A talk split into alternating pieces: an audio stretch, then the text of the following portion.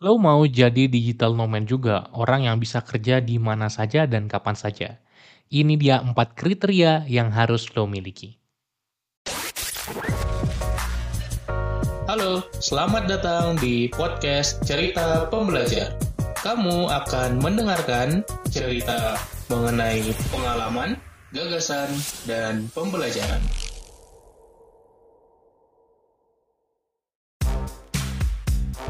Season 12 Digital Nomad Journey Setahun penuh solo traveling keliling Jawa, Bali, Lombok naik motor backpack run.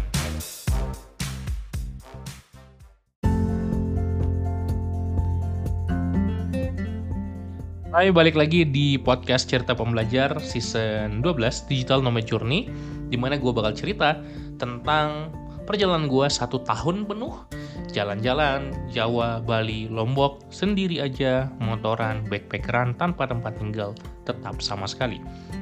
Jadi kali ini gue pengen bahas tentang kriteria dari seorang digital nomad. Kenapa? Karena tidak semua orang cocok dengan digital nomad. Setiap gue cerita tentang pengalaman gue, tentang kehidupan gue ketika lagi digital nomad ke teman-teman gue, kolega gue, relasi gue, biasanya responnya ada yang wah asik banget gue sebenarnya pingin banget seperti itu tapi gue nggak bisa. Biasanya kalau itu berarti punya keinginan tapi tidak benar-benar mau. Ada yang bilang wah mau tahu dong gimana caranya segala macam. Itu berarti mau dan mungkin cocok. Ada juga yang bilang aduh kayaknya gue nggak cocok seperti itu dan itu nggak masalah karena berarti dia mengenal dirinya. Jadi gue pengen share apakah lu cocok atau enggak ngelakuin digital nomad seperti yang gue lakuin? Dan ini bukan masalah uang believe me apakah kita bisa untuk digital nomad dengan budget yang kita punya sekarang? Jawabannya bisa. Bisa banget. Dan gue udah buktikan itu dan gue punya perhitungannya. Ketika gue digital nomad expense gue meningkat yes tapi nggak meningkat jauh daripada expense yang emang gue punya.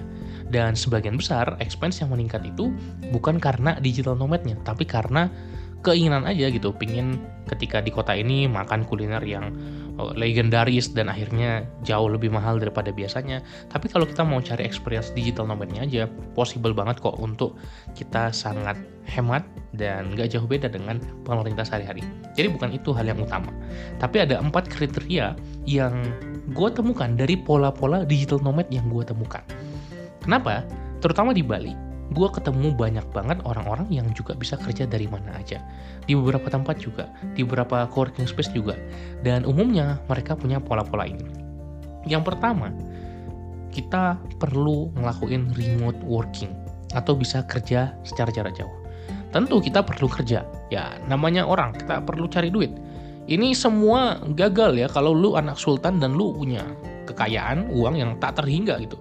Lo abaikan aja apa yang ada di podcast ini. Tapi kalau lo masih manusia normal gitu ya, bukan anak Raffi Ahmad, kita perlu kerja. Yang pertama kita perlu remote working. Dan menurut gue remote working ini cheat code kehidupan gitu. Kita perlu punya kerja yang bisa remote, yang bisa WFH, yang bisa kerjain dari mana aja. Dan ini banyak banget. Kenapa? Karena ketika kita remote working, kita punya yang namanya location independence. Kita bisa kerja dari mana pun. Tentu ada banyak trik-triknya yang bisa kita lakukan. Dan biasanya orang-orang yang remote working ini punya tech proficiency yang tinggi. Paham teknologi-teknologi dasar. Nggak harus programmer, itu salah satu caranya. Tapi nggak harus. Yang penting kita punya keterampilan dasar pengoperasian teknologi digital era sekarang. Jadi biasanya yang menjadi digital nomad itu adalah seorang entrepreneur atau seorang self-employed atau seorang freelancer. Kenapa? Karena mereka-mereka ini yang punya keterampilan untuk remote working. Apakah orang yang kerja full WFH juga bisa jadi digital nomad? Jawabannya bisa. Tapi lebih sedikit jumlahnya daripada orang-orang yang freelance. Itu yang gue temukan. Kenapa? Karena ada poin dua yang gak kalah penting namanya flexibility. Kalau orang yang kerja kantoran, meskipun WFH, kan tetap ada jam kantor. Sebagai contoh, adik gue WFH, dia tidak pernah ke kantor sama sekali. Dan di rumah dia kerja, ada jam kerjanya dari pagi sampai sore. Ketika kita punya fleksibilitas, kita bisa kerja kapan aja di mana aja, kita bisa paginya liburan, sorenya kerja, atau sebaliknya, maka akan lebih enak untuk digital nomad. Jadi, orang yang kerja WFH ngantor bukan kantor sebenarnya orang yang kerja employee karyawan WFH itu bisa digital nomad tapi lebih memungkinkan lagi kalau kita freelancer self employed atau entrepreneur jadi sebetulnya fleksibilitas pekerjaan memegang peran yang sangat penting yang ketiga adalah punya mindset entrepreneur, entrepreneurial mindset. Ini yang menurut gue penting banget juga. Kenapa? Karena kalau kita sebagai seorang digital nomad, kita kan perlu menawarkan jasa kita. Kalau kita entrepreneur atau freelancer, kita perlu memasarkan produk kita.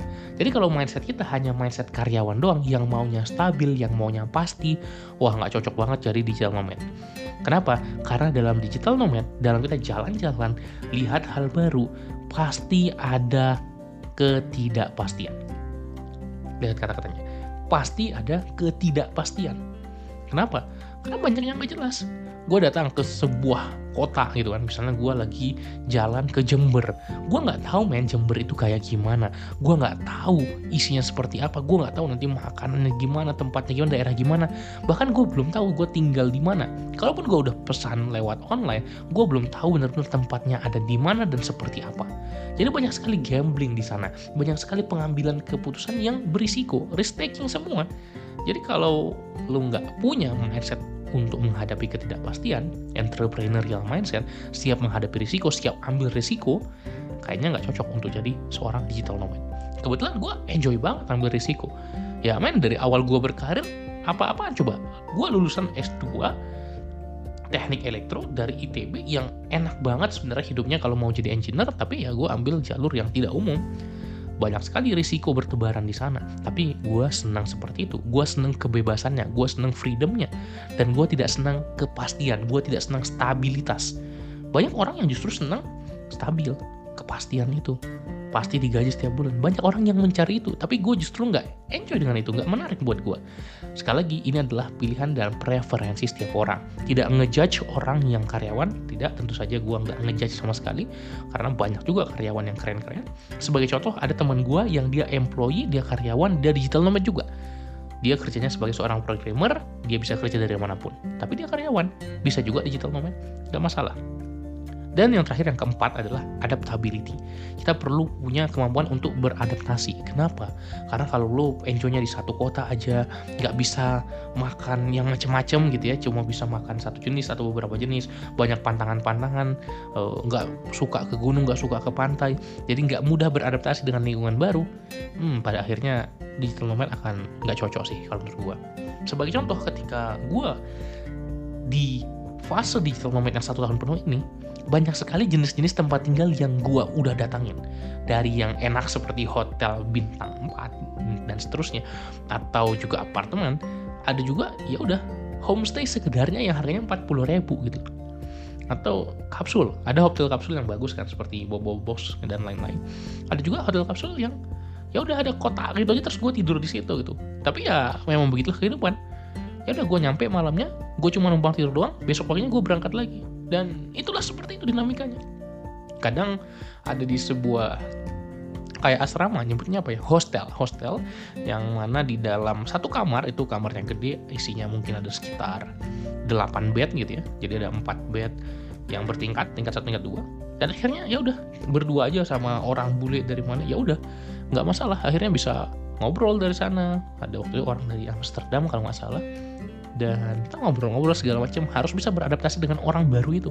Makan bareng sama orang yang nggak dikenal gitu kan tinggal bareng. Dan itu adalah dinamika yang dihadapi. Kalau kita tidak bisa beradaptasi ya nggak cocok dengan digital nomad itu ya. Apalagi kalau kita mau menghemat budget kita banyak nginapnya di hostel atau di homestay yang ketemu-ketemu orang terus ya privasinya pasti berkurang daripada kita ngambil akomodasinya hotel dan ada banyak lagi yang bisa gue share nanti hacks-hacksnya trip uh, tips and triknya kalau lo pengen jadi digital nomad juga tapi nanti di episode-episode yang lain. So kriteria orang yang cocok untuk menjadi digital nomad itu yang pertama kerjanya harus remote bisa dikerjain di mana aja.